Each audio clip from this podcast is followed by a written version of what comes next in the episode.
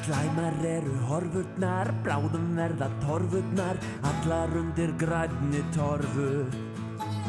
Slæmar eru horfurnar, bráðum verða torfurnar, allar undir grænni torfu. Við setjum nú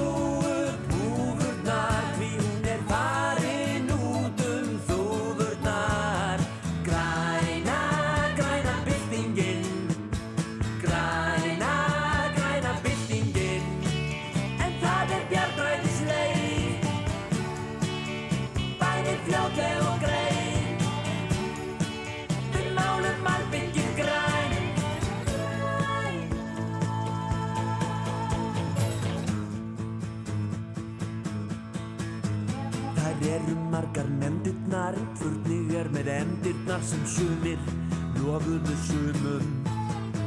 Þær eru margar nefndirnar, furnig er með endirnar sem sumir lofuðu sumum. Setjum nú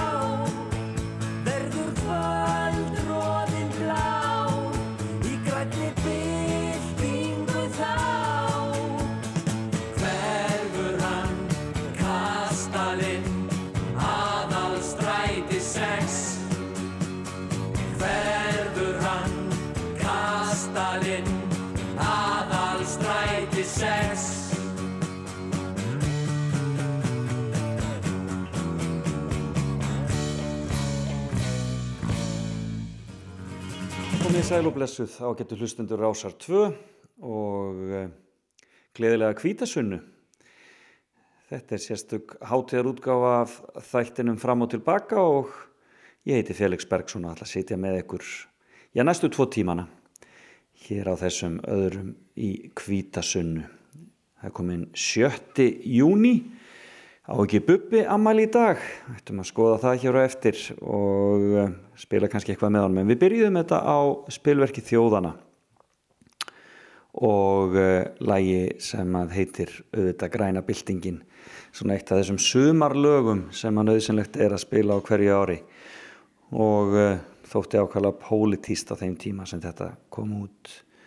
Spilverkið þetta stopna 1974 Uh, en uh, þessi plata platan þar sem þau standa á eigu út í tjötninni uh, og, og eigil hættur í bandinu þetta er að koma þarna í kringum 77 held ég að ég sé hafa örglar rétt fyrir mér 77 hafi þessi plata komið. Frábært band og mörgum talið eitt besta band Íslandsugunar spilverk þjóðana En uh, ég ætla bara að spila róleheita og ljúa músik hér fyrir klukkutíman í þessum þætti og svo fæ ég góðan gest hér eftir klukka nýju en það er engin annar en Þór Freysson, tónlistarmadur og upptökustjóri sem ætlar að setjast hjá mér og aðeins að ræða um lífið og tilveruna, uh, uppbakstarvarnar á Akureyri, bara flokkin auðvitað uh, og svo störfans í sjónvarpi sem að hafa verið mikil undanfærin ár, hann er nýlega hann er nýlega búin að fagna 60 samhæli en þór þannig að það verður gaman að heyri honi hér og eftir.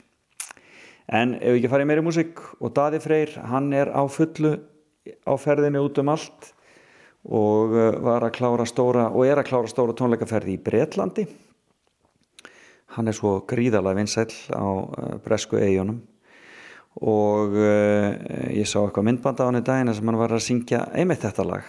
Fyrir tróðfullt hús eitthvað staðar og allir öskruðu með og sungu og dönsuðu. Þetta er auðvitað Think About Things. Baby, I can't wait to know. Believe me, I'll always be there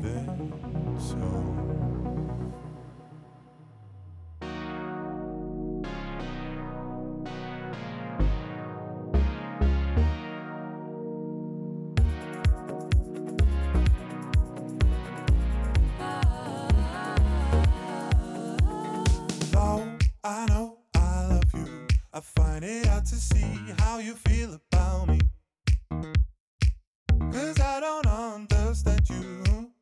Oh, you are yet to learn how to speak. When we first met, I will never forget. Cause even though I didn't know you yet.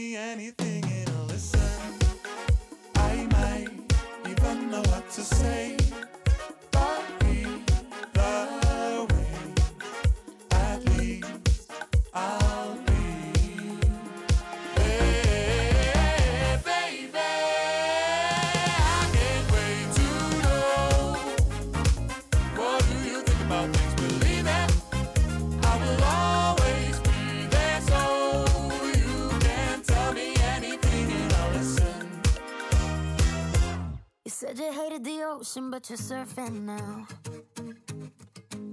I said I love you for life, but I just sold our house.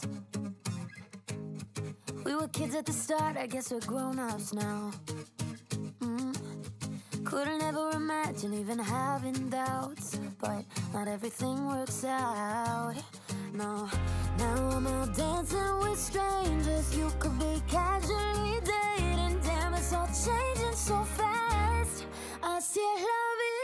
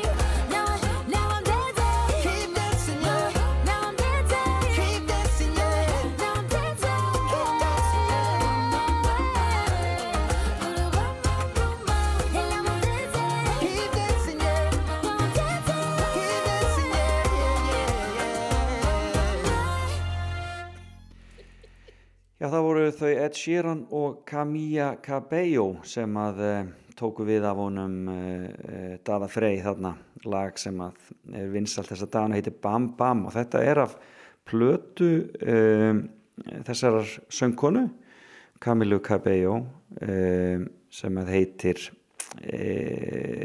já, hvað heitir platan? Familia heitir hún, þessi plata. Hún er 25 ára þessi stelpa, kemur frá Kúbu upprannulega Eh, en fluttir barnaaldri til bandaríkjana og meksikoskan föður líka. Og hann fekk ekki að flytja með henn til bandaríkjana til að byrja með því að hann fekk ekki landistarleifi svona getur þetta nú verið. Svona getur þetta nú verið eh, erfitt þarna þeim megin. En eh, þetta er í annarskipti sem að Camilla og eh, Ed Sheeran eh, ruggla reytum í, í, í tónlistinni.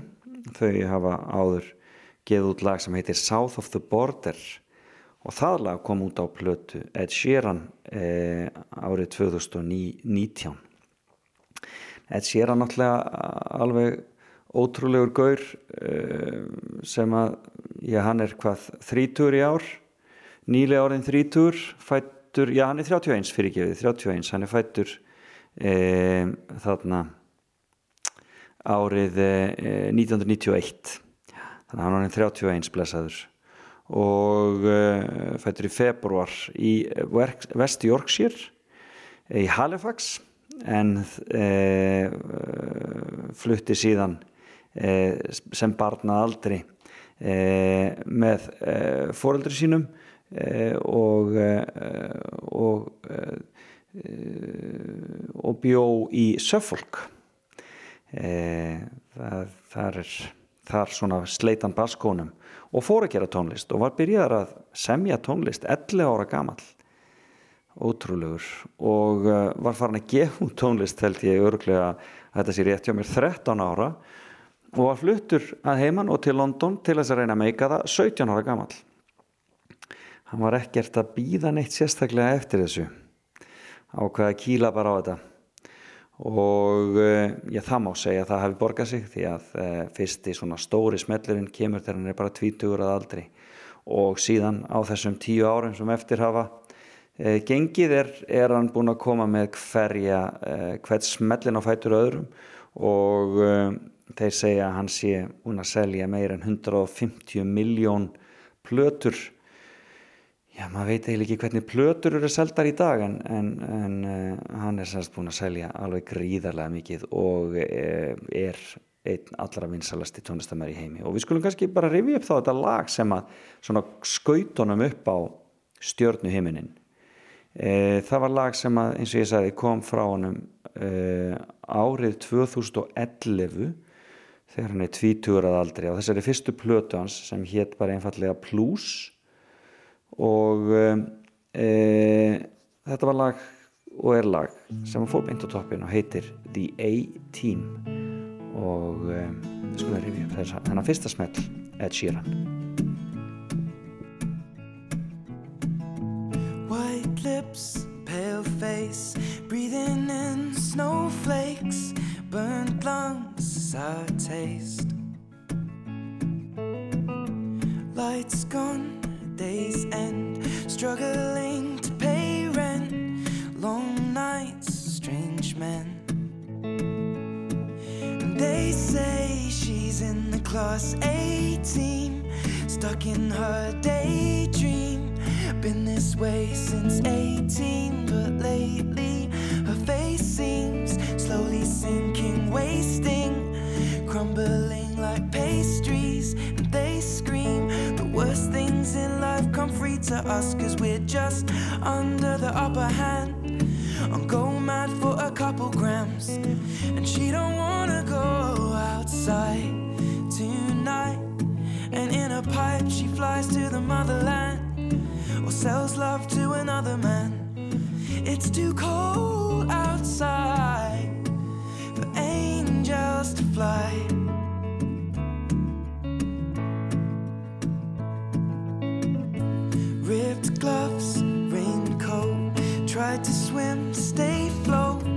Dry house,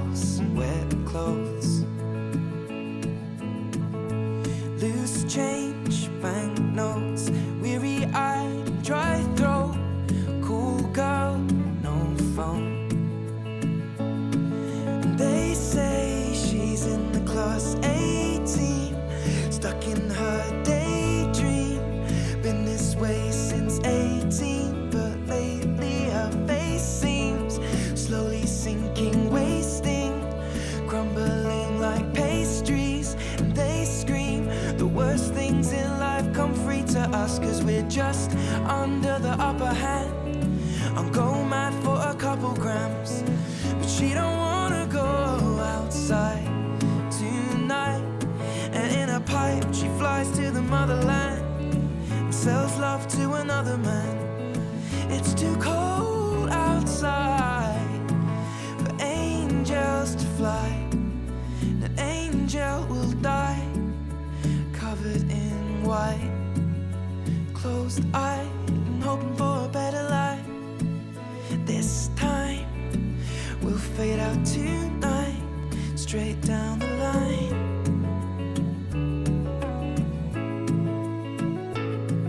We're all under the upper hand and go mad for a couple grams. And we don't wanna go outside tonight. In the pipe, fly to the motherland or sell love to another man. It's too cold outside for angels to fly. Angels to fly.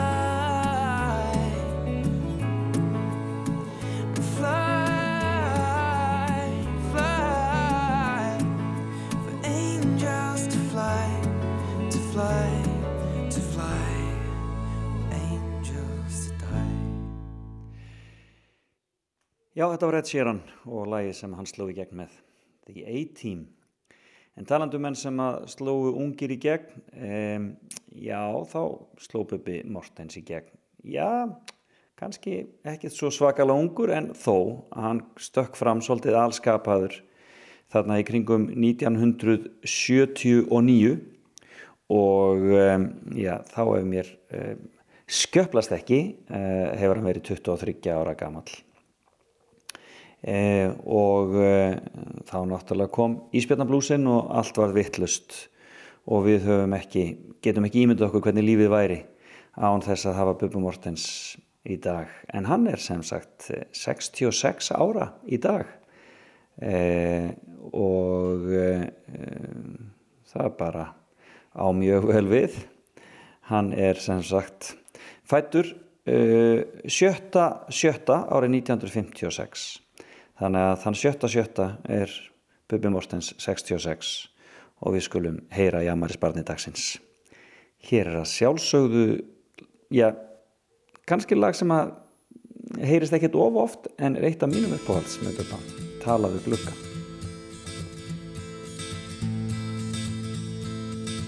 Ég staðið við gluggan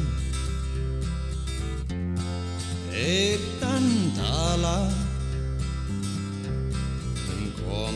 harðæri Nýstandi ég. Aldrei fyrr séðan Svo hyggan stara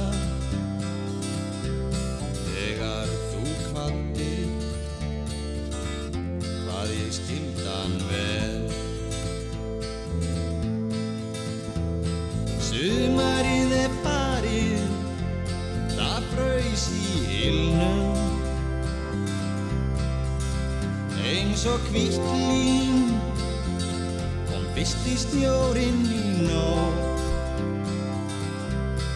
Þrestirnir dansa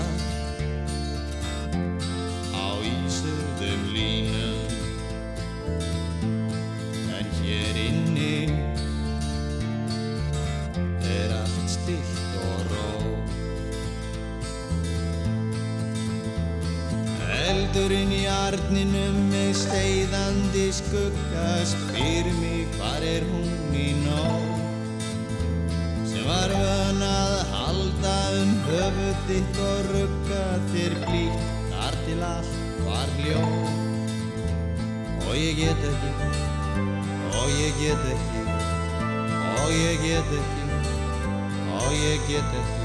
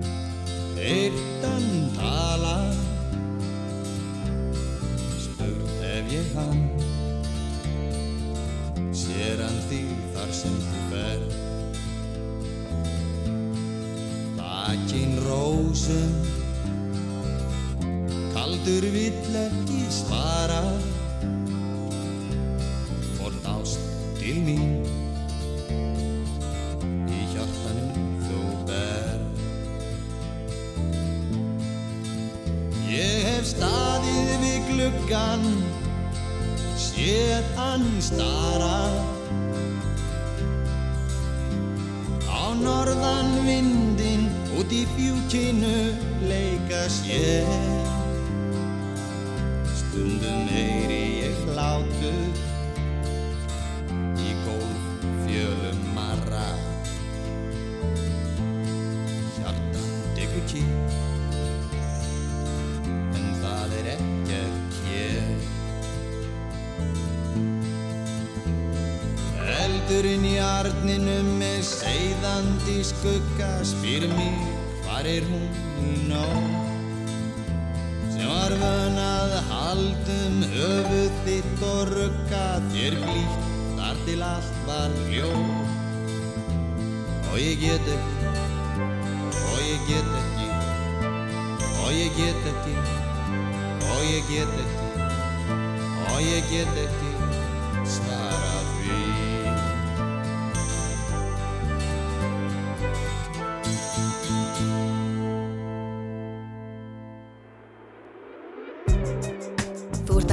á fram og tilbaka á Rástföð.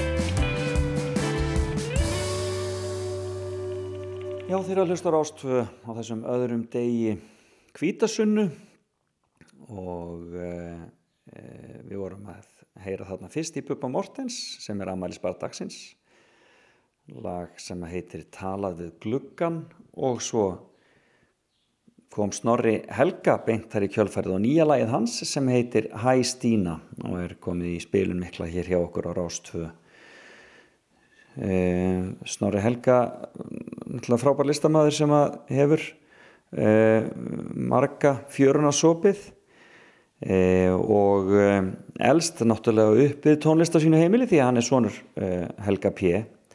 nema hvað. Og hefur aldeilis erft tónlistarhæfileikana frá eh, föðu sínum. Það er ekki spurning. En það eru fleiri frábæri listamenn sem að já, byrjuð ungir.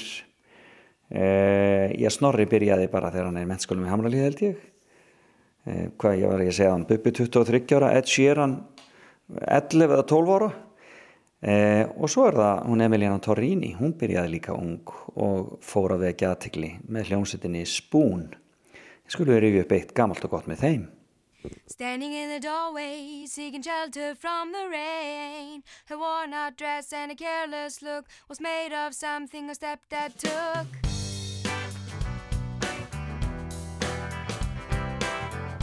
Heading out on the porch, she needs the rays of sunlight. Her spirit's out with no place to hide. Was made when her stepdad took her ride.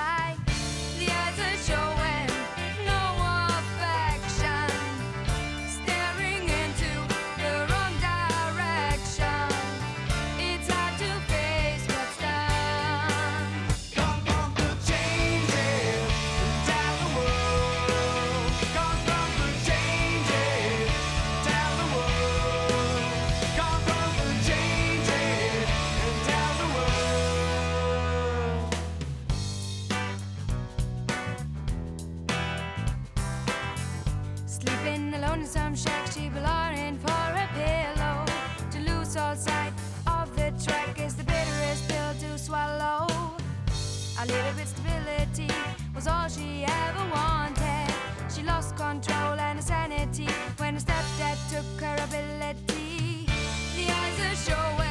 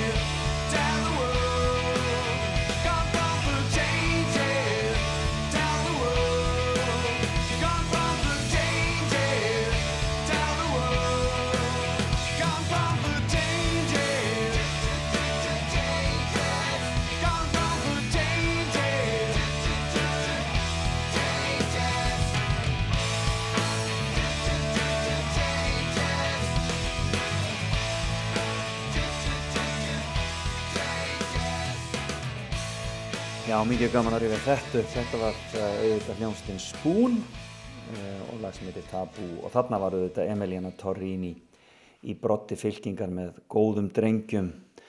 Uh, en þetta er frá árinu 1994 og mér skilst að þá sé Emiliana 17 ára gömul. Hún er fætt 77. Þannig að eh, ég er óvænt komin í þið, þetta þema með, með tónlistamenn sem byrja snemma. Emilja er alltaf búin að eiga algjörlega frábæran feril, eh, bara stórkostlegur tónlistamæður í alla staði og þeir sem hafi ekki náð að sjá hana eitthvað tíman á sviði, þá verði ég að mæla með því að ná eitthvað tíman að sjá Emilínu Torrini. Hún er eh, algjörlega frábær og maður hefur alltaf miklar væntingar um það sem frá henni kemur. Og lægið sem kom í fyrra til dæmis fyrir leiksýningunni í þjóðleikusinu Vertu Úlfur eh, það var algjörlega stórkoslega velgert stórkoslega velgert mjög, mjög svona já það var mjög sannfærandi og gefur svona góð fyrirheit um það sem að framöndan er hjá Emilínu Torrini En svo er það enn eitt sem að byrjaði ansi ungur, sló í gegn í strákabandi og er núna komin í soloferil, svona svipað og Emiliana. Þetta er hann Harry Styles, hann er alveg eh, aðal gaurinn þessa dagana. Hann og Ed Sheeran, algjörlega aðal. Heyrum nýja læðans eh, Harry Styles, Late Night Talking.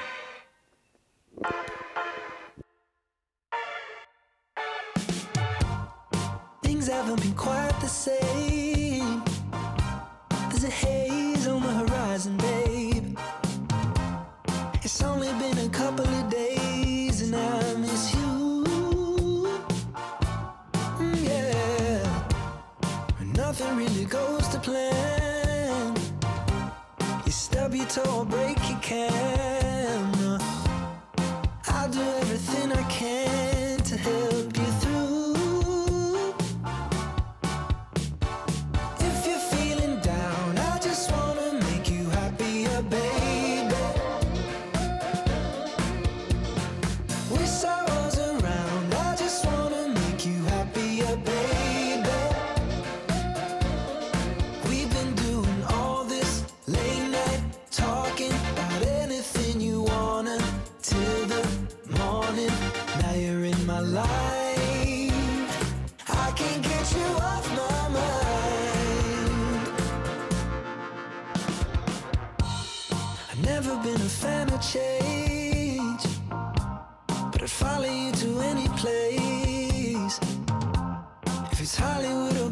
escape.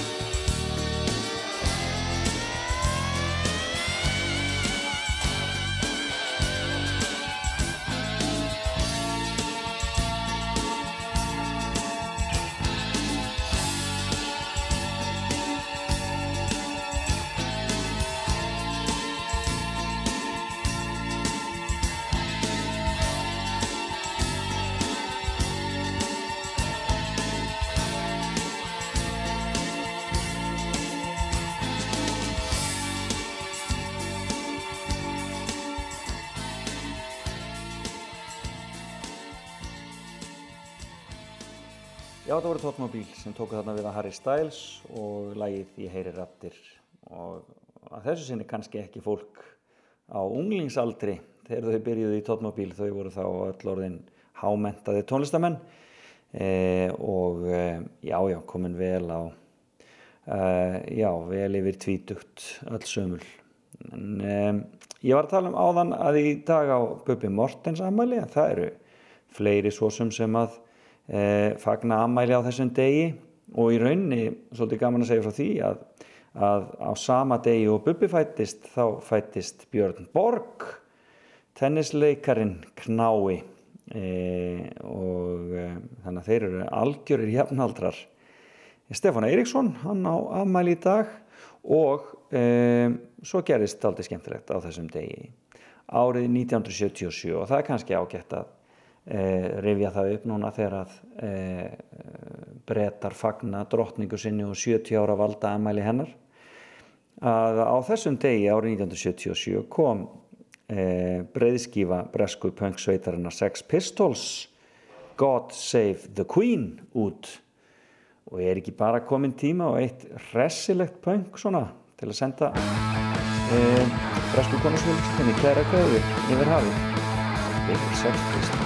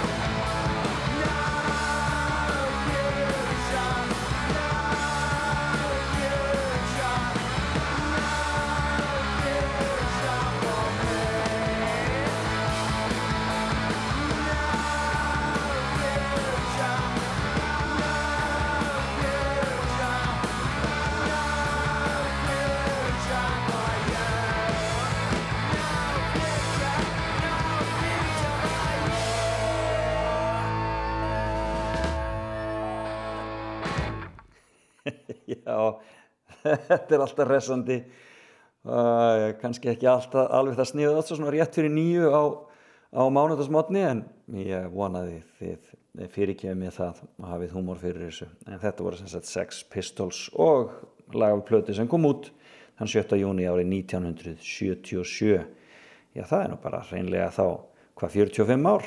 45 ár núna síðan. Ótrúleitin satt á þessum degi. En þið eru að hlusta þáttinn fram og tilbaka hér á Rástvö og ég heiti Felix Bergson búin að setja með ykkur í róliheitunum hér í morgun. Og hér eftir nýju þá ætlar hann að setjast hjá mér. Hann Þór Freysson eh, tónlistamadur og barafloknum eh, akureyringur og eh, ja, sjónvarspródusent eða eh, upptökustjóri í sjónvarpi. Og við ætlum aðeins að ræða um ferilinn hans og, og heyra svolítið á tónlist sem honum tengist. En við ætlum að halda ára með tónlist hér alveg fram, að, fram til nýju og eh, uh, tónsenæ er næst. Alltaf gaman að heyra þetta.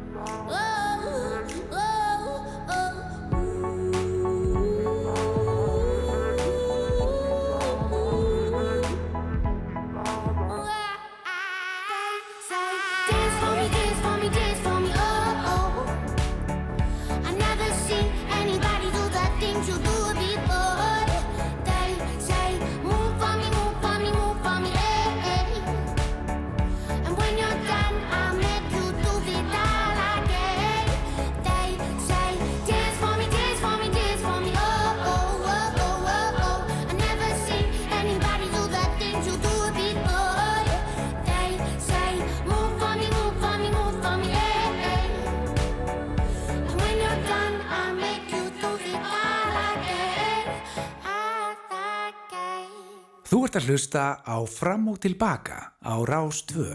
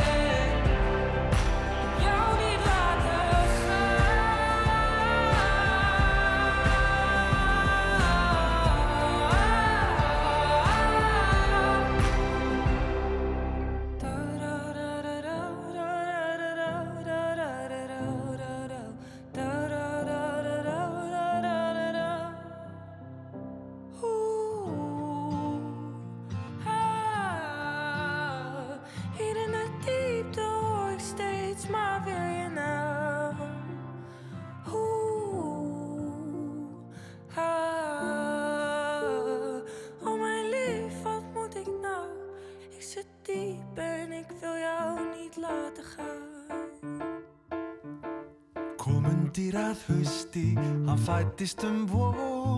Honum var ætlað að fylla þau spór sem pappi gamli hafði tróðið hér áður.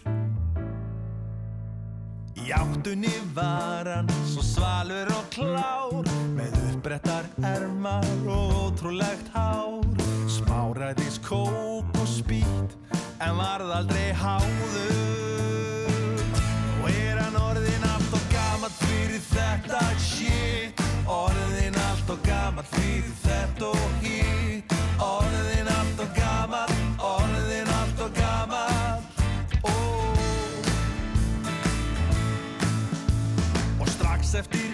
MR tók lögfræði próf. Þá var enginn með kvíð og ekkert einhverfu róf. Og kallinn var smátt og smátt helviti fjáður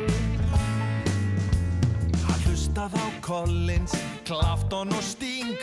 En tískan hún fegur ekki alltaf í hring.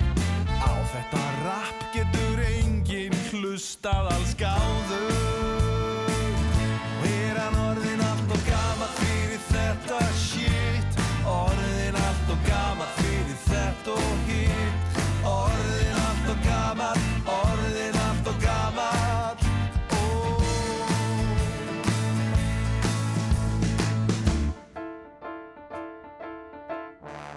Og árin þau líðu, hér var svo kallað hrun.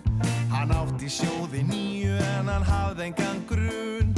Misti snekkjun og húsið á spáni. Nú hverfa þau eitt af öðru bílastæðin Og á bara að leggja niður enga bílinn. Heldur þessi dagur bjö að ég sé bjáni. Hann er orðin allt og gammal fyrir þetta shit. Orðin allt og gammal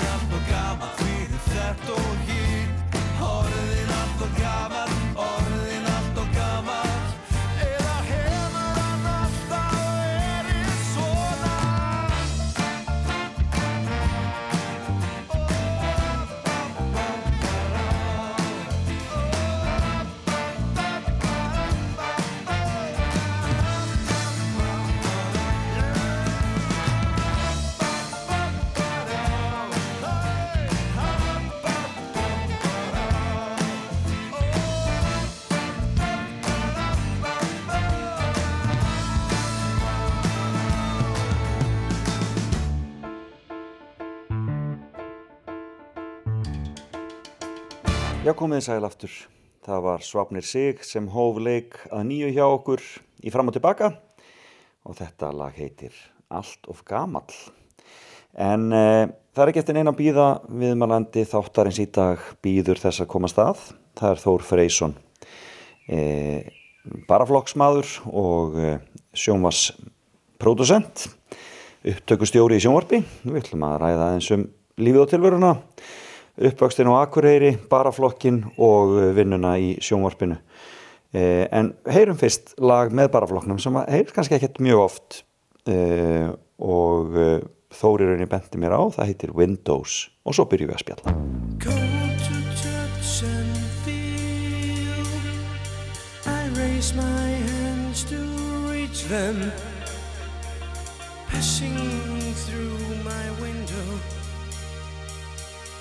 Passing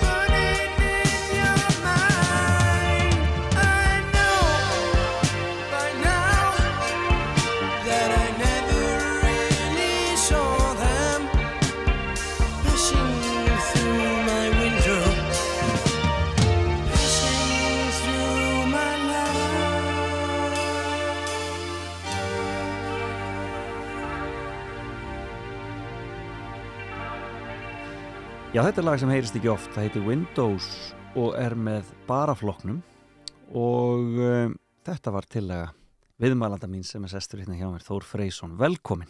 Takk að þið fyrir kjærlega. Segðu mér aðeins frá þessu lagi. Þetta er lag eftir Ásgeir Þetta er lag eftir Ásgeir Jónsson, söngvara. já, söngvara baraflokksins sem að lést fyrir nokkrum dögum, mjög sorglegt. Uh, þetta lag minnir mig alltaf á tíman þegar við vorum að æfa í, í gamla einskipafélagshúsinu á Akureyri við, við bryggjuna við skipagötu. Já. Þetta er samið þar og mestöll listplatan er, er samið þar. Já. Frábæra æfingu á húsnæði. Ertu akkureringur alveg í uh, húð og hár? Ég er akkuryngur í húð. Já. en smá svind sko, ég fættist í Reykjavík fæðingarheimilinu Reykjavík og, og, og bjó fyrstu fyrstu fimm árin á veturna á já. þannig að sko ég gæti sagst vera káringur ég gæti alveg gert það en ég er mér er sér að brekkunni sem að gengur enga með hennu Akkurat.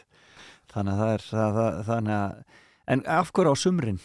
Nei, af hverju á veturna í sko, pappi var í háskólanum í Já. löffræðinámi og, og við byggum, á, byggum í Reykjavík á, á veturna og síðan Fóru norður og sumrin. norður. Og svo, Og svo alveg norður alveg norður. Var, bjóð þar alveg já, við flutti söður 84 Og hvað, voru þið stór fjörskilda? það má segja það. Tíu. Tíu manns. átta sískinni næst elstur. Það er alvöru. já, það er alveg fullorinn sko. Og, og, og, og, og byggu allir heima eða? já, já, já.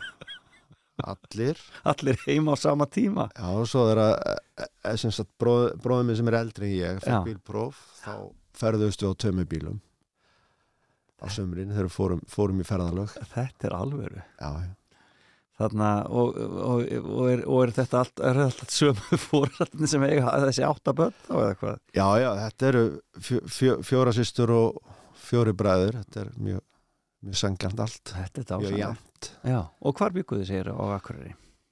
Við byggum og fóröldar minni búa reyndar ennþá í Birkilundi, Já. það er hérna á brekkunni, svona í, í káakverjunu, Já. en, en hérna, En eru þú þórsarar? já, allavega ég, ég let ekki segjast, ég er náttúrulega gata ekki heitandi þessu nafni haldið með káa eða F með káa, það var ekki sjens. Og er ennþá harður þósari, sko. Já, það er bara svoleiðis. Já, já. Og það, þannig að það tengdist nafninu í rauninni meira heldur en heldur en hver í bænum þú bjóst sem sagt.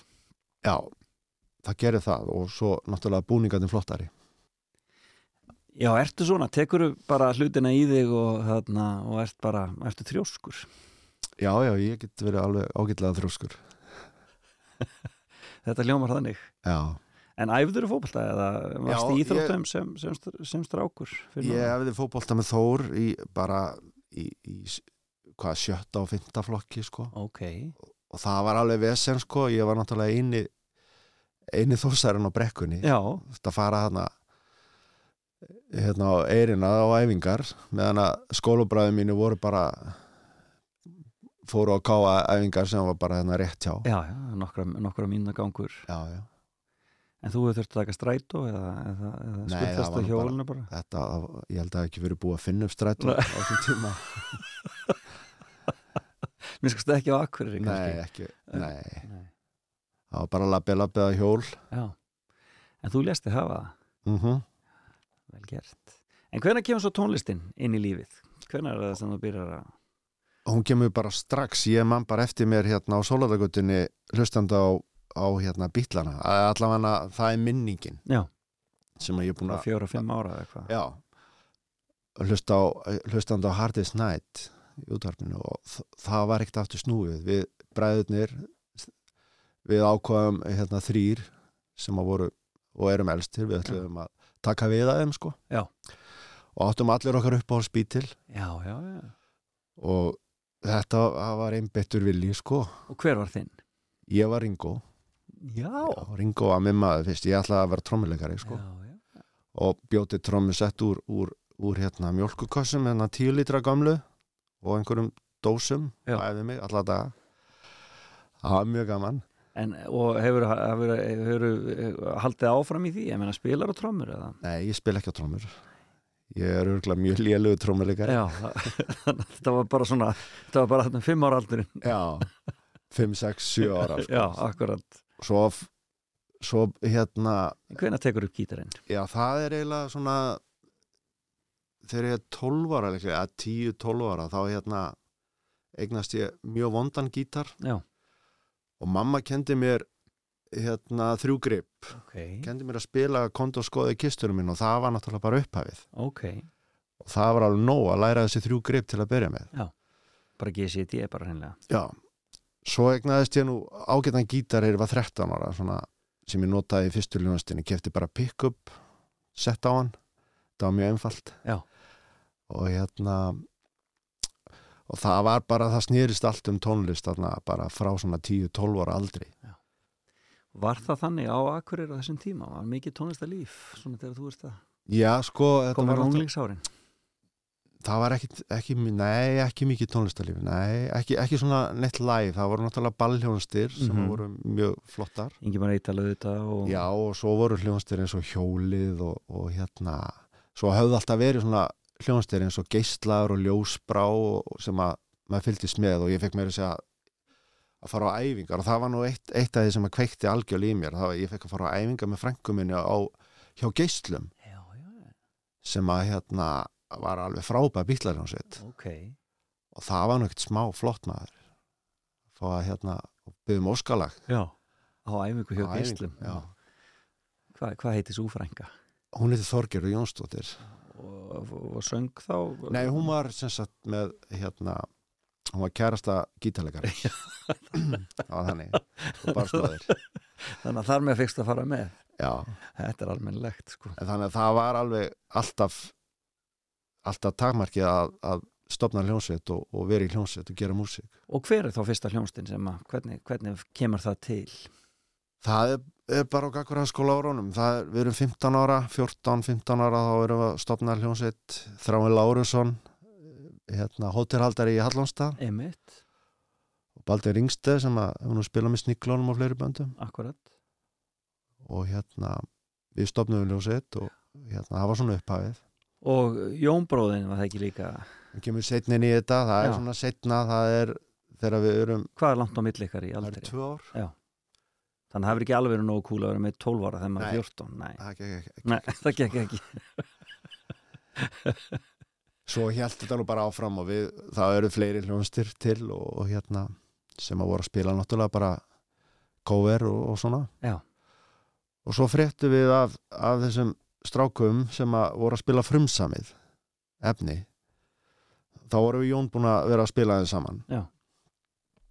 og við þekktum það ekki neitt sko þó að sé stutt á milli og akkuriri það eru sjö mínútur á milli aldra en svo hittum við það og hérna það, það gerist þannig að, að fóreldrar minni fóru til útlanda í, í hérna sólarfrí með, með hérna yngri sískin Já, akkurat. húsi stóð tómt Já. í tverju vikur Já. og hérna það var bara fyllt af hljóð stofan var bara fyllt af hljóðfærum og talið í Skemmtilegt. mikið stuð og, og þar kynntust við áskeru og balla og það endaði með því að þeir buð okkur Jón að koma yfir í, í baraflokkin og þetta var 1900, þetta var sömari 1980 Ég voru þeir þá búinir að stopna bandirinn? Já. Áskir stopnaði þetta reynda svona 78-9 þá var þetta svona bara flokkur af strákum sem voru að spila kassagítar það var Já. svona hugmyndin á bak við nafni bara flokkur Já, það var bara flokkur af mitt og hérna þeir voru að spila svona kassagítara frumsamið og það var Gunni Þorstens hérna þýðandi, Raki Holm og Bræði Haldós hlustamæður og fleiri sem að Átni Daniel, ég held að hann hafi verið Q4U já, partur af þessu. Og hérna síðan þróaðist þetta bara yfir í hjá þeim yfir í svona gítabassi trommur, gítar og söngur. Og svo þegar við Jón okkur er búið að komin þá vera svona mannabreitingar og við komin og þá Er það þá 80, 81 eitthvað svo já, það er 80-81 Þetta er bara nákvæmlega sama tímalínu og hjá Djúran Djúran sko, þeir eru stopnaði 78 Já. Fyrsta platan kemur 81 þannig þeir eru bara hérna svipuðum mjög svipuðum svipuðum. Já. En þarna en, en, en nýromantíkin kemur í rauninni þá í rauninni með nýjunda áratugs Já. og svona það, sá hljómur Já, fyrst, fyrst sko við hérna hlustaði náttúrulega mikið á áfanga Já. sem voru á ráseitt, Guðni Rúnar og Ásmundur og, Akkurat. og hérna, heyrði, það var svona eiginlega eini vettvangur fyrir, fyrir, fyrir mann að hlusta á, á það sem var að gera sko. Akkurat og þar heyrði maður fullt af flottu, flottu stöffi sem hafði mikil áhrif á mann og fyrsta platan okkar var hún er svona köld hérna, hvað var kallað kuldarokk og hérna svona frekar kalt, svona hart nýbylgjurokk sko. Einmitt. en svo bara fljótlega eftir að hún kom út að þá, þá hérna fáum við neðan í einskipafélagshúsinu sem ég nefndi á hann og hérna þá mikist þetta allt og þá er nýrómantekin komin og og syndarnir náttúrulega og, og það já, allt og ég fór, fór í mitt þarna um hausti með, með þáverandi kæristunum minni og núverandi konum minni til London og þar var hérna náttúrulega það var rosa svona upplifun að að koma til London á þessum tíma. Það var svo brjálæðislega gerjun í gangi og, og, og útgáfa plötur og kom, við komum heim alveg með fullt af plötum og, og, og hérna þar meðal Ultravox og Cure og Duran Duran og, fleira sem að Já. að þá, þá týðkaðist það mjög að kaupa plötur í útlöndum, það var miklu ódýrari og svona Já, já, fór maður í His Master's Voice í. HMVF og, þessar búðir og, og, og byrði sig upp af Algjörlega, drasli sko. Algjörlega. Og þarna er náttúrulega þessi nýromantíska bylgja farin að stað og hún hafði náttúrulega áhrif á okkur eins og aðra sko. Akkurat, já Ekki um neitt annað að ræða eiginlega Nei, og þe þessi elektrónik er náttúrulega svo svakalega spennandi já, þetta og margt af þessu hefur finnst mér hafa elst mjög, mjög vel sko, það er svona það sérstaklega sem að var svona fyrirluta nýjunda áratugarins. Ég minnst oft sko menn uh, talaði tímabili niður en það menn gleyma sko tilhörnamennskunni og hvað þetta Já. var í rauninni mikilvægur hluti af því sem síðan eftir gekk í sko, Já. í poppinu. Nákvæmlega. Eh, bara og Deep Patch Mode og já, sem er algjörlega frábær sko. já, þannig að þetta einhvern veginn lifir sko. Já, algjörlega. Að gera það en uh, þannig að þetta tekur bara alveg yfir hana hjá þér, hvað Já. ertu gamall hana hvað ertu gamall þegar þú rauninni ert, ert komin á kafi í baraflokkin uh, tvítur Já. þetta er svona 82 já, 83 þá. já, passar þannig að þú ert komin og, og, og, hérna, og, uh, og tekur þetta bara alveg yfir lífið. Er, er ekkert annað sem kemst að þarna eða, Já, já, þetta var náttúrulega bara lífið og við bara lifðum og hærðumst í þessu í, í um, um það byrj fjögur ár meðan við vorum starfandi. Og það snerist allt um tónlist og hérna þetta var náttúrulega gerum mikið að því að koma enga söður í tónleikaferðir, spiluðum, spiluðum á mikið á borginni og safari, það voru svona okkar aðal staðir Einmitt. Svo fórum við líka tónleikaferðir austur og, og, og, og víðar sko. Kom aldrei til greina að, að, að ég meina því sungu á ennsku Já. kom aldrei til greina að fara með þetta eitthvað lengra eða svoleiðis? Jú, jú, ég veit að Steinar Berg hann hafði mikið áhuga á því og ég held að hann hafi alveg reynt það. reynt það sko og það voru alls konar plön í gangi með útgáfu elendis og spilamennsku þá einhverja Já, þetta, þetta voru aðri tímar já, já, það var allt miklu floknara og þú veist, til dæmis eins og þegar við fórum svo sumarið 83 og tókum upp þriðju plötuna og fórum við til Englands, mm -hmm. vorum þar alveg í mánuð mm -hmm. það var ekkert inn í myndinni að, að spila þar veist, það var ekkert hægt, við máttum það ekki Nei, nei, það var aðtunleifi og allt þetta, þetta vesen, sko, meira þetta var bara Þetta, svona, þetta voru aðri tímar já. Þannig að e, við skulum heyra annað lag með barflögnum og þetta er nú kannski frægasta, Matter of Time og, þarna, og svo langar mér að spyrja það aðeins út í sjómasferilin, Þór Freysson, heldum að hann til smá.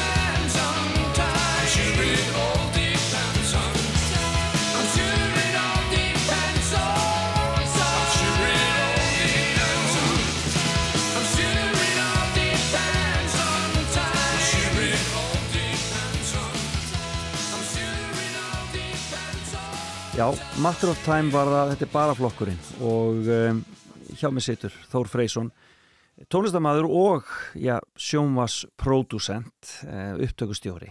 Uh, og um, við erum búin að ræða aðeins um já, baraflokkstímanbilið hvernig enda þetta allt saman hérna í, á nýjunda áratögnum svona svo við klárum það. Hjá okkur? Já, hjá baraflokknum. Það er svona, við tókum það okkur 84 sömur að flytja yngasöður og sem var bæði rétt ákvörðun og líka röng Já. vegna þess að, að það var, bara mjög erfitt fyrir hljóstina að, að fóta sig inn í Reykjavík. Já. við höfum verið í mjög vendu umhverju fyrir norðan. Gott æfinga, æfingaplás stutt að fara og, og svona mikið nánd sko. Og hérna og þetta verður allt flóknar og Já, mann þetta ætla var- kannski að koma upp fjölskyldu líka og Já, þetta var pínu meira vesen og hérna uh, það svona fór tími í tími í alls konar hluti sem að snýri ekki að tónlistinni sjálfur að, að hittast og semja Já. þannig að í desember 84 þá komum, komum við saman og æfingu og ákvaðum það að fara í gott jólafrí og ætlum að hérna, hitta svo á nýju ári 85 og hérna, taka stöðuna og þetta jólafrí það varði í 16 ár Já, það var bara svoleiðis Já. Þetta var svo stuttu tími mitt þetta var ekki, hvað já, þetta er Já, þrjú, voru þrjú ár, þrjú, fjö- fjögur ár fjögur ár já.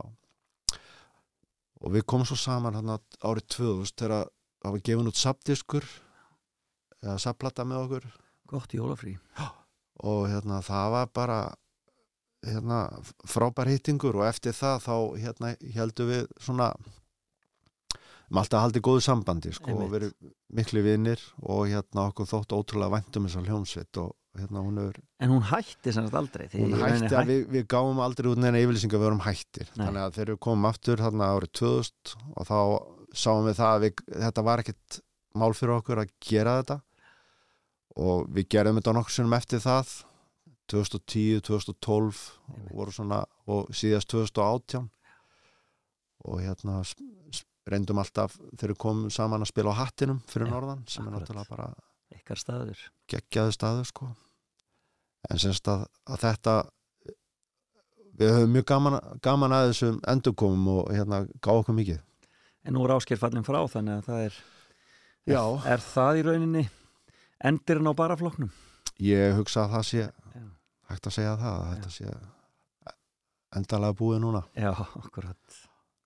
Blessu sér minning hans. Já. en uh, sjónvarpið Þór, Já. þú ert, uh, hefur skapað enn sem uh, einn helsti uh, upptökustjóri uh, landsins og stjórnað bara held ég öllum stæstu þáttunum á einhverjum, einhverjum tímabúti að minnsugusti hvernig, hvernig gerist þetta?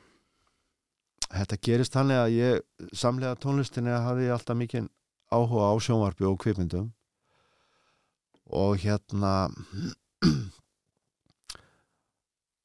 já, gífulegur áhugi og hérna langaði að komast inn í þennan bransa sem ég tókst þarna 85 þegar hérna, ég hitti Þráin Bertelsson og hann ræði mig sem aðstofa hljóðmann í, í löggulíf.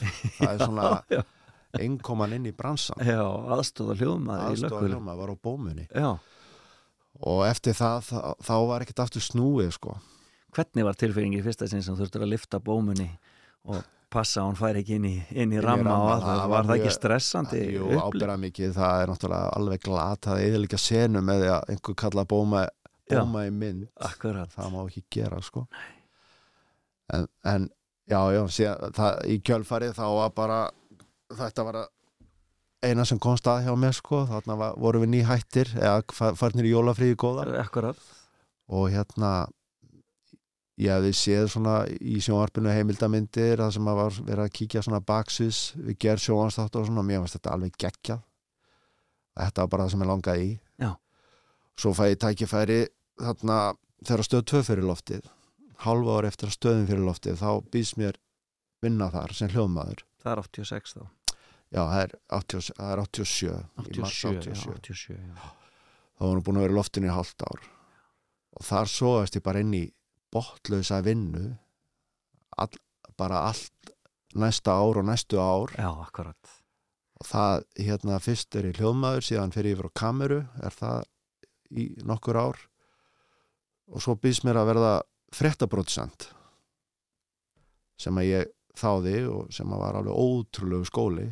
Því trú ég, mikið, mikið rætt unnið. Mikið rætt unnið og mikið live. Þetta var náttúrulega fréttir og svo er Ísland í dag eftir í, sagt, alltaf live og þarna þurfti maður að díla við hérna, tímapressu og fá einn hljónsettir og, og alls konar atriði og nánast ekkert geta eft heldur bara kert á þetta og svo atriðanlega kikki sko þegar hérna maður fór í loftið og það vantaði kannski fimm fyrstu fréttinnar Já. og maður var með hérna helstið Já. og það sem var kallað aukl það er eitthvað krútleitt undir kreditlista Já.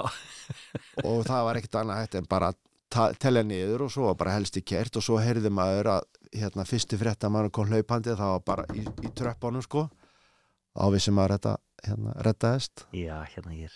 Þetta, þetta voru skemmtilegust útsetningar Já, alveg, og mikið adrenalín. Já, alveg frábær sko. Og svona lífsætta Algjör lífsætta Já. Mátti ekkert klika Mátti ekkert klika, einmitt. En uh, læriður aldrei fæið? Fórst aldrei og hérna, settist á skólabekk? Nei, ég er nefnilega gerði nú eina eða tveit tilhörn til þess en hérna eftir ég byrja á stöð 2 að þá var þetta bara svo gífulega magnaða skóli. Það voru þarna frábærir mentorar Marin Ólafs í hljóðinu og Hannes Jóhannesson teknistjóri og, og, fleiri og fleiri sem að læriði mjög mikið af. Mhm. og hérna þetta læriðist bara af þeim sem voru kunnuðut og voru betri og, og hérna já þannig að hérna ég held að þetta hafi verið, verið svona besti skólin Já. sem að ég gæti allavega að hugsa mér sko. Fer, fer bara í gegnum þetta, bara næstu eins og nám bara hennilega Já. Og svo hérna þegar ég er búin að vera 2-3 ára á frettstofunni þá hérna svissa ég yfir í yfir á dagskrádild þá var það Páll Baldur sem fær mig yfir til að gera hérna bara að gera sjónvarsætti Og hvar byrjaru þar? Þætt? Fyrstu þættin sem ég gerði voru með Sigga Hall Já, já, já, já. innanland, svona ferðaþættir þar sem að va- við vorum að fara um landið og hann var að hitta fólk og, Já. og gera mat Hann var náttúrulega mikið á stöðtöð á þessum tíma Já, ég gerði fleiri ég, ég, ég vil meina fleiri hundru þætti með honum Já. bæði hérna heima og, og elendis en, Var ekki eitt fyrir og elda líka og þetta allt saman? Jú, ég reynda var ekki því en, en, en hérna það, jú, jú, það var maturslætti voru mjög vinsælir á þessum tíma. Já, akkurat. Og gríðari framleiðsla á stöðu 2 Já, mjög mikil. Og síðan þróast þetta yfir í það að að ég hérna fer í, svona, fer í þætti eins og viltu vinna miljón ég man alltaf eftir er að Páll Baldur rétti með vaffóðspól og segja horfa á þetta. Já. þá var þetta ameríska útgáðan af, af hérna viltu vinna miljón og ég fjall gerðsana fyrir sem ég að þetta alveg geggja format sem það er og, og við fórum að ég og Heimir Jónasar heitinn og hérna við sem sagt gerðum þarna þessa þætti saman á sann Þorstin Jóð Já. og þetta var svona ég held að þetta hefur verið svona ákveðin kúvending í sjónvarpi þau örðu alveg gífulega vinsalir og þetta var svona eitthvað sem að fólk hafi ekki séð áður varandi production value og það er að segja umgjörðina, leikmyndin, lýsingin tónlistin, Já. þannig að þetta var svona fyrsta svona stóra sem að ég tók þátt í. Og mikið í þetta lagt. Já, mikið í þetta lagt. Stúdíó út í bæ og svo leiðis og, og, En þið, það var allt upptekið það ekki? Þetta voru ekki beinar útsendingar? Nei, þetta var alltaf, það var ekki hægt að hafa það beint sko. Nei, akkurat. Það, Þetta var, þeir voru þessi eðlis Og þetta verður hvað bara Ég þetta verður samt ekki nema hvað Einhver tvö sísón, eitthvað svo leiðis eða hvað? Já, tvö, tvö, tvö- tvö, tvö ár eitthvað svoleiðis, já. Einmitt. Það verður þannig. Já. En, eh, en eh, svona þessi tónlistaþættir eins og ædólið og svoleiðis kemur að því síðan eða hvað? Já, og síðan hérna eða næsta stóra, það er sem að stöðun ákveður að fara í, það er Idol. Og hérna ég var svo heppin að að vera fenginn til þess að að stjórna því á samt hérna heimi, fyrir mínum. Já. og við gerðum fjórar serjur í, það heila og inn á milli döttu inn svona stóra serjur eins og X-Factor og bandið hans Bubba. Einmitt. Sem var ótrúlega gaman að gera líka. En þannig ertu bara orðin sem sagt í rauninni pródusenti sem ert með þessa stóru Já. svona stóru pródusjónir stóru live útsendingar. Já. Og hérna það, maður gerir ekki svona náttúrulega öðruvísin að, að vera með alveg súper fólki kringu sig eins og þú þekkir Já. og það var á öllum vikstöðum alveg 100% mannskapur sem að hérna, sem að vann þetta með mér og maður var bara náttúrulega hérna, eitt lekkur í keðinni sko En hefur þú upplifað að þetta hafi bara svona gerst eða hafður þið svona eitthvað mikið um þetta að segja sjálfur? Ég meina, var þetta eitthvað sem þú stemdir á að yrði? Menna þegar þú ert byrjaður komin inn í bransan að því langaði til að gera svona Já, já, þetta var náttúrulega bara draumurinn sko. hluta planinu. Já, hluta planinu og líka sko að, að gera tónlistaprógram Já. það er það skemmtilegasta það er, ég hef sagt einhvern tján aður sko að er, tónlist er svo jákvæð það er ekki neitt neikvætt við, tónlist Nei, tónlist er bara jákvætt element það er notað á, á hún er notað á gleðistundum, hún er notað á sorgastundum til þess að hérna, gera fólki, gera mönnum lífið léttara og allt þess á milli. Þannig að hérna, það er best að vinna í tónlist. Og þessi, þessi stóru þættir voru þar. En, en, en hvenar líkur þínu þínu samstæð þínu starfi á stöðu 2 hvenar hættur ég þar í fullu starfi? Og ég vil nú meina, ég hef aldrei hætt þar frekar en hljónsti mín hafa hætt fórst bara í sumarfrí og... Já, það láfið, það var þannig að, að það eruðu bara breytingar á eignarhaldinu þarna 2005 Já. og hlutin af framlustudeldinni sem ég tilheri var fluttur yfir í sagafilm. Já, einmitt. Og það breytist í rauninni, eina sem breytist að við örðum ekki lengur vinnufélagar hérna, þeirra sem örðu á stöð 2 við vorum bara út í bæ en heldum áfram að- vinna allt fyrir stöð 2 á þeim tíma þannig að við heldum áfram sko sagafilm eiginlega var bara að vinna fyrir stöð 2 á, en ekkert fyrir aðra í rauninni eða ekki, ekki á þeim tíma nei. Nei. svo breytist það hérna síðar þegar eignar haldið á stöðu breytist aftur og, Já. Og allt, allt það þá fór sagafilm að vinna fyrir Fyrir aftur fyrir fleiri, fyrir rú og fyrir, fyrir hérna, skjáeitn eða síman og, og, og stöð 2 Já, akkurat. Og ég var, var hjá hérna sagafilm í 8 ár 8 eða 9 ár. Það var frábært tími, alveg ótrúlega skemmtilegt. Og hvaða þætti voruð þið að gera þar? Það við, þá vorum við að gera síðustu seríurnar af, af hérna Idol, við gerum hérna tvær seríur af Dans Dans Dans alveg rétt, einmitt, það voru stóri þættir. Já, stóru Kórar Íslands sem var nú bara því miður einn sería. Einmitt.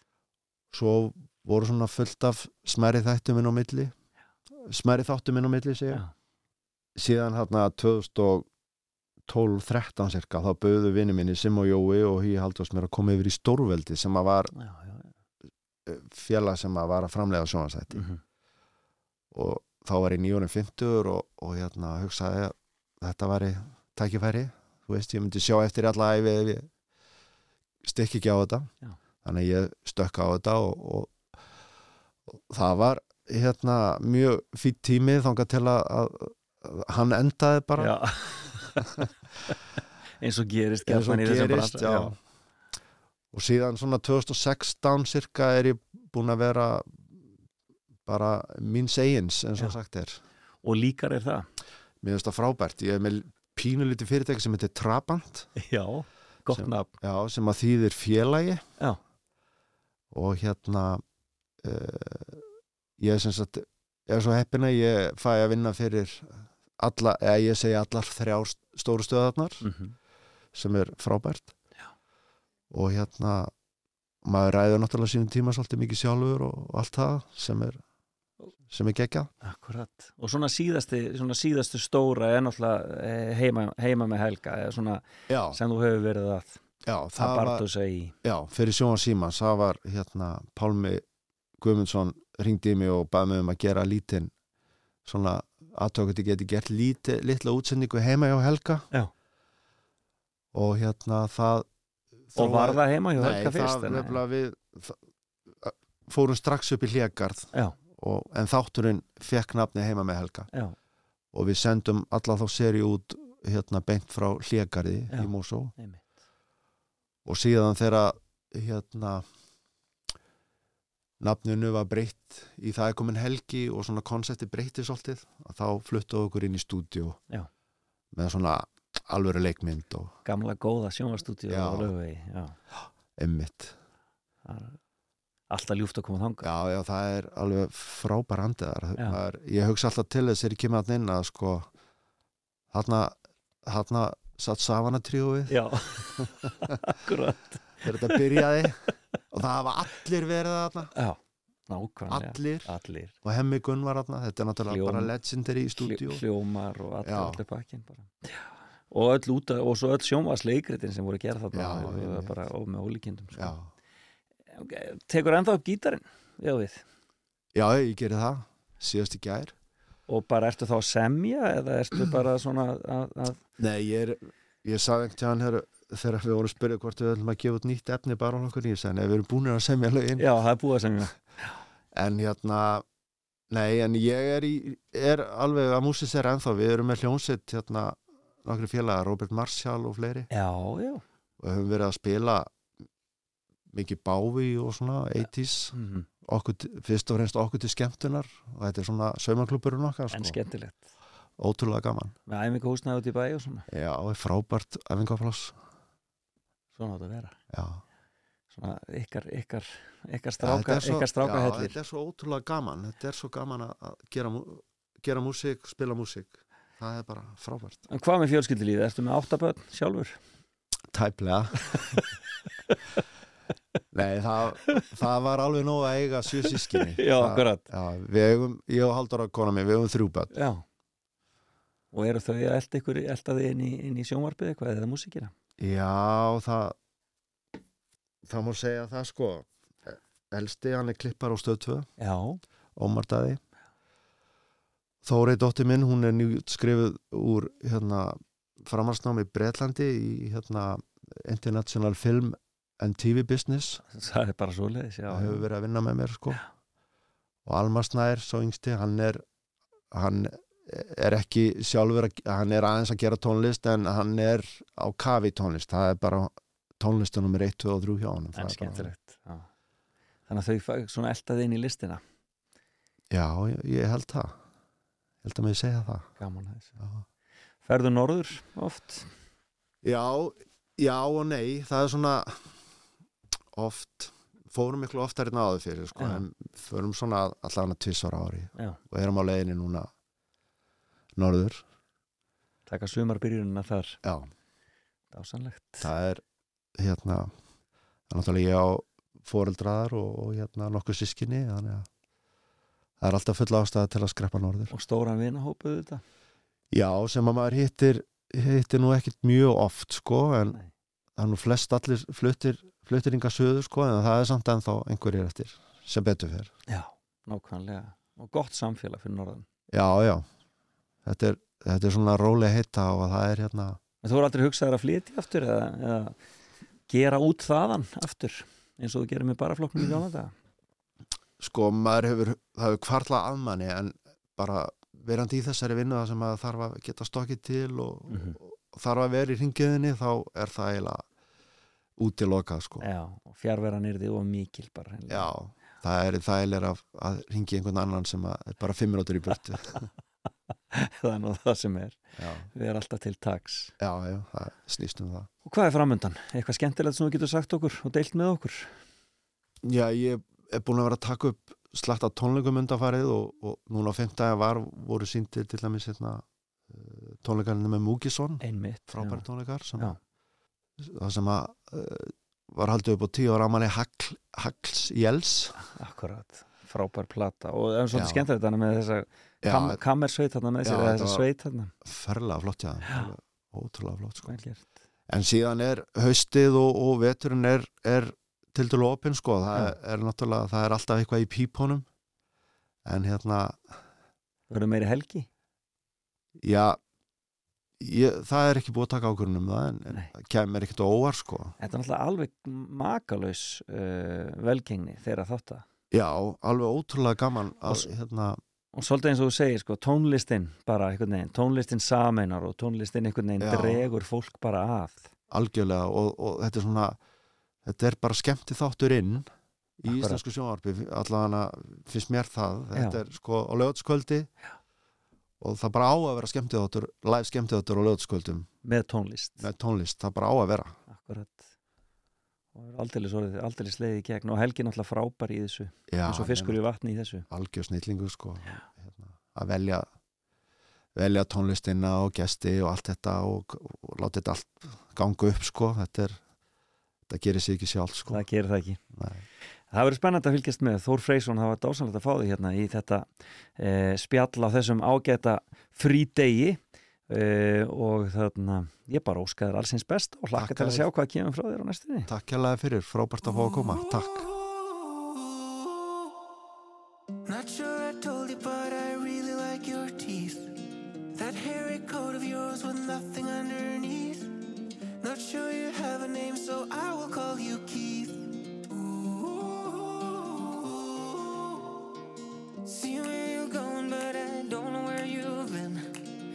That saliva or blood dripping off your chin? If you don't like the name Keith, I'ma call you Jim. And before that wolf eats my grandma, give that wolf a banana, give that wolf. And before that wolf eats my grandma, give that wolf a banana, give that wolf. Give that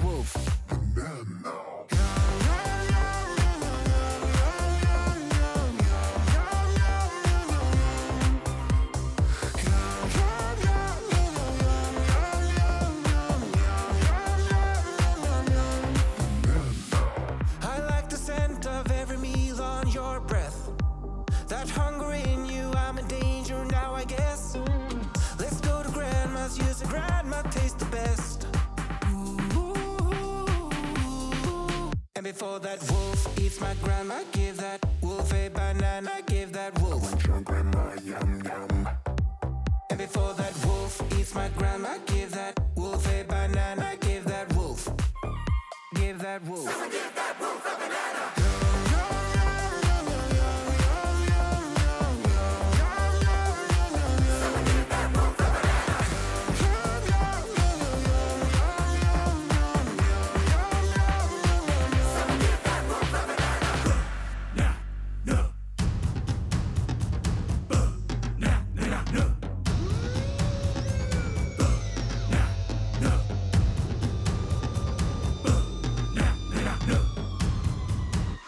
And that wolf eats my grandma, give that wolf a banana, give that wolf.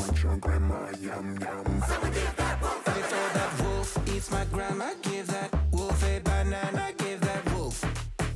Give that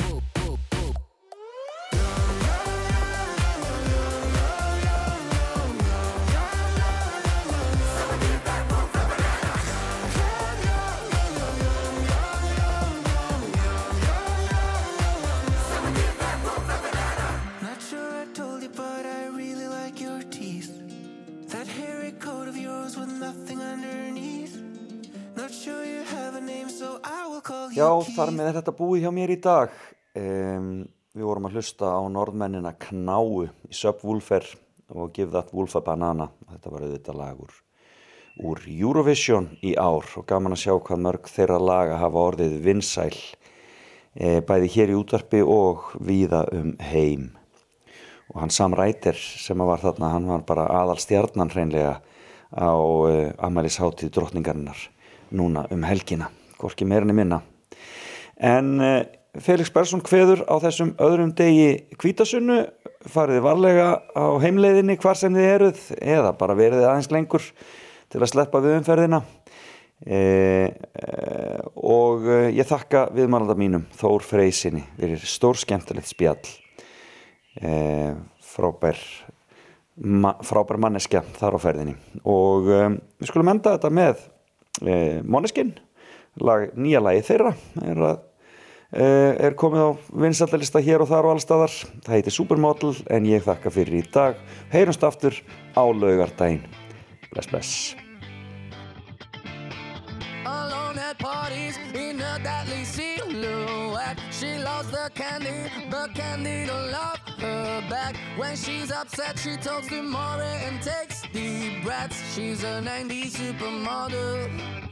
Uh, way back in high school when she was a good Christian. I used to know her, but she's got a new best friend. A drag queen named the Virgin Mary takes confessions. She's a 90s supermodel. Yeah, she's a master. My compliments. If you wanna love her, just deal with her. She'll never love you more than money and cigarettes.